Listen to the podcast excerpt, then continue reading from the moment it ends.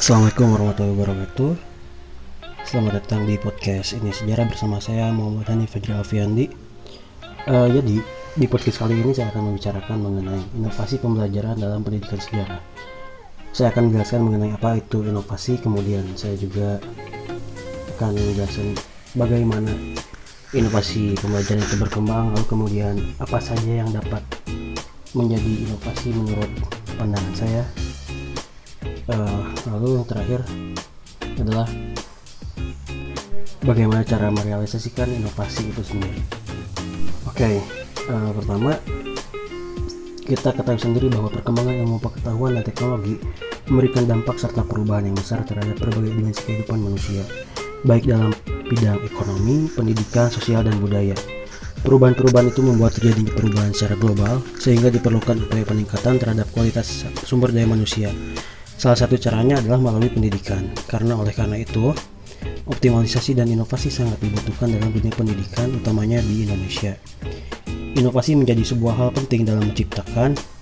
Berinovasi memerlukan manajemen sebagai bagian untuk melakukan proses perencanaan, mengorganisir, memimpin dan mengevaluasi tujuan dan pencapaian tujuan secara efisien, efektif, di mana termasuk di sini adalah melakukannya dengan secara etis dan melihat inovasi dalam perspektif sistem bahwa setiap bagian dan elemen inovasi, baik yang ada di dalam maupun di luar organisasi saling, keber, saling bergantung. Lalu inovasi pendidikan merupakan sebuah proses yang akan selalu terjadi karena adanya permasalahan dan pembaharuan dalam pendidikan untuk memecahkan masalah-masalah tersebut. Banyak perencanaan pembaharuan pendidikan gagal karena adanya kesalahan mengidentifikasi masalah teknis yang spesifik seperti kekurangan material yang baik, pelatihan yang tidak efektif, dan kurangnya dukungan atau administrasi yang kurang. Penyebab lainnya ialah karena seringnya para pembuat kebijakan membuat asumsi yang hyperrasional. Uh, kemudian komitmen terhadap what should be changed sering kali bertolak belakang dengan pengetahuan mengenai bagaimana bekerja dalam proses pembaharuan. Uh, akan tetapi selain problematika tersebut, terdapat masalah lainnya yaitu di antaranya seperti rendahnya kualitas sarana fisik, sarana fisik dan seperti banyaknya banyak sekali sekolah dan perguruan tinggi yang gedungnya telah rusak, kepemilikan dan penggunaan media pembelajaran yang rendah, serta buku, buku perpustakaan yang tidak lengkap. Lalu rendahnya kualitas guru, keadaan guru di Indonesia juga amat memprihatinkan karena banyak guru yang belum memiliki profesionalisme yang memadai untuk menjalankan tugasnya sebagaimana disebut dalam pasal 39 Undang-Undang nomor 30 nomor 20 tahun 2003 tentang Sisdiknas itu merencanakan melaksanakan proses pembelajaran. Menilai menilai hasil pembelajaran melakukan bimbingan dan pelatihan serta melakukan sebuah penelitian dan pengabdian kepada masyarakat. Inovasi dalam pendidikan selalu ada namun selalu terjadi hambatan dalam implementasinya. Kegagalan implementasi itu disebabkan juga oleh beberapa faktor utamanya adalah pendukung dari pendidikan itu sendiri seperti praktisi pendidikan dan guru-guru di lapangan. Selanjutnya adalah uh, salah satu bentuk inovasi dalam pembelajaran itu sendiri yaitu dengan cara pengembangan kreativitas imajinatif abad ke-21 di mana secara konvensional pembelajaran sejarah bertujuan untuk mengembangkan kemampuan imajinatif peserta didik tentang masa lalu. Uh, contohnya adalah di Amerika Serikat sudah sejak lama di sana, pembelajaran sejarah diarahkan untuk membangun kemampuan imajinasi peserta didik.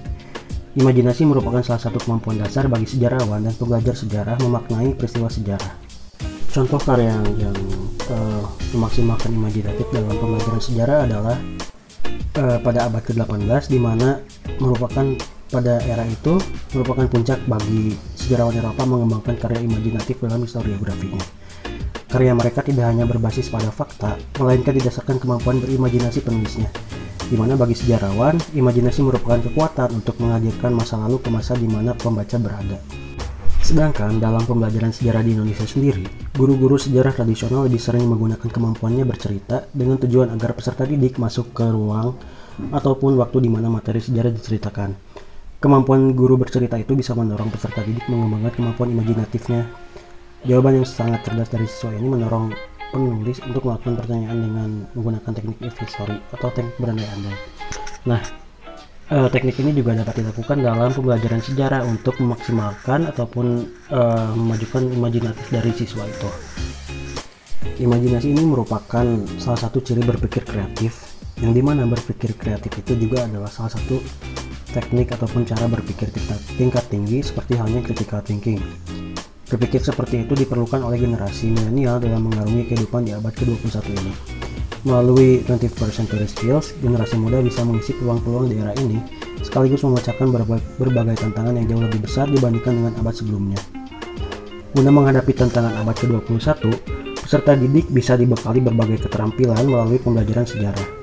E, contoh metode pembelajaran yang tepat untuk memaksimalkan atau mengeluarkan imajinatif dari peserta didik adalah dengan pembelajaran berbasis multimedia movie learning. Ya, ini agar pemanfaatan media pembelajaran menjadi efektif, seorang guru harus dapat merencanakan, merancang, dan menggunakannya secara efektif. Cara pemanfaatan media pembelajaran dengan kebutuhan dan karakteristik masing-masing media yang telah dipilih. Uh, lalu, dalam pembelajaran sejarah ini, imajinasi didorong oleh guru melalui cerita sejarah, kisah masa lalu, narasi guru, dan ekspektasi guru.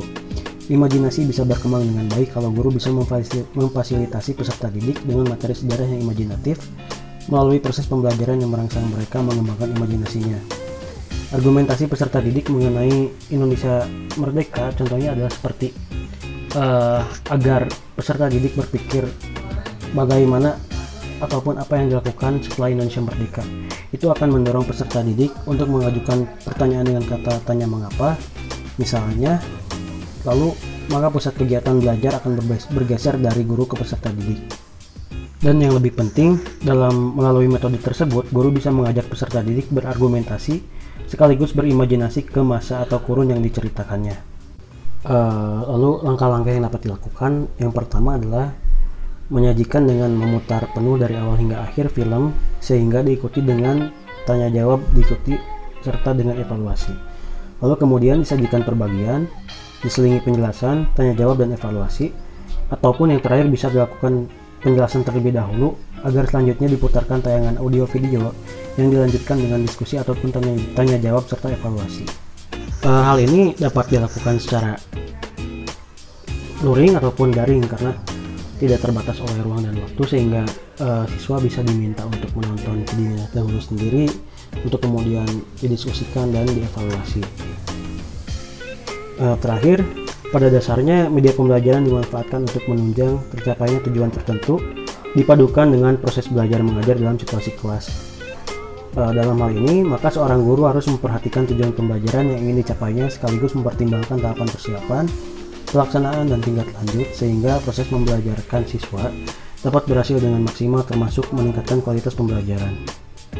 Uh, sekian yang dapat saya sampaikan dalam podcast kali ini. Terima kasih, mohon maaf apabila ada kesalahan. Wassalamualaikum warahmatullahi wabarakatuh.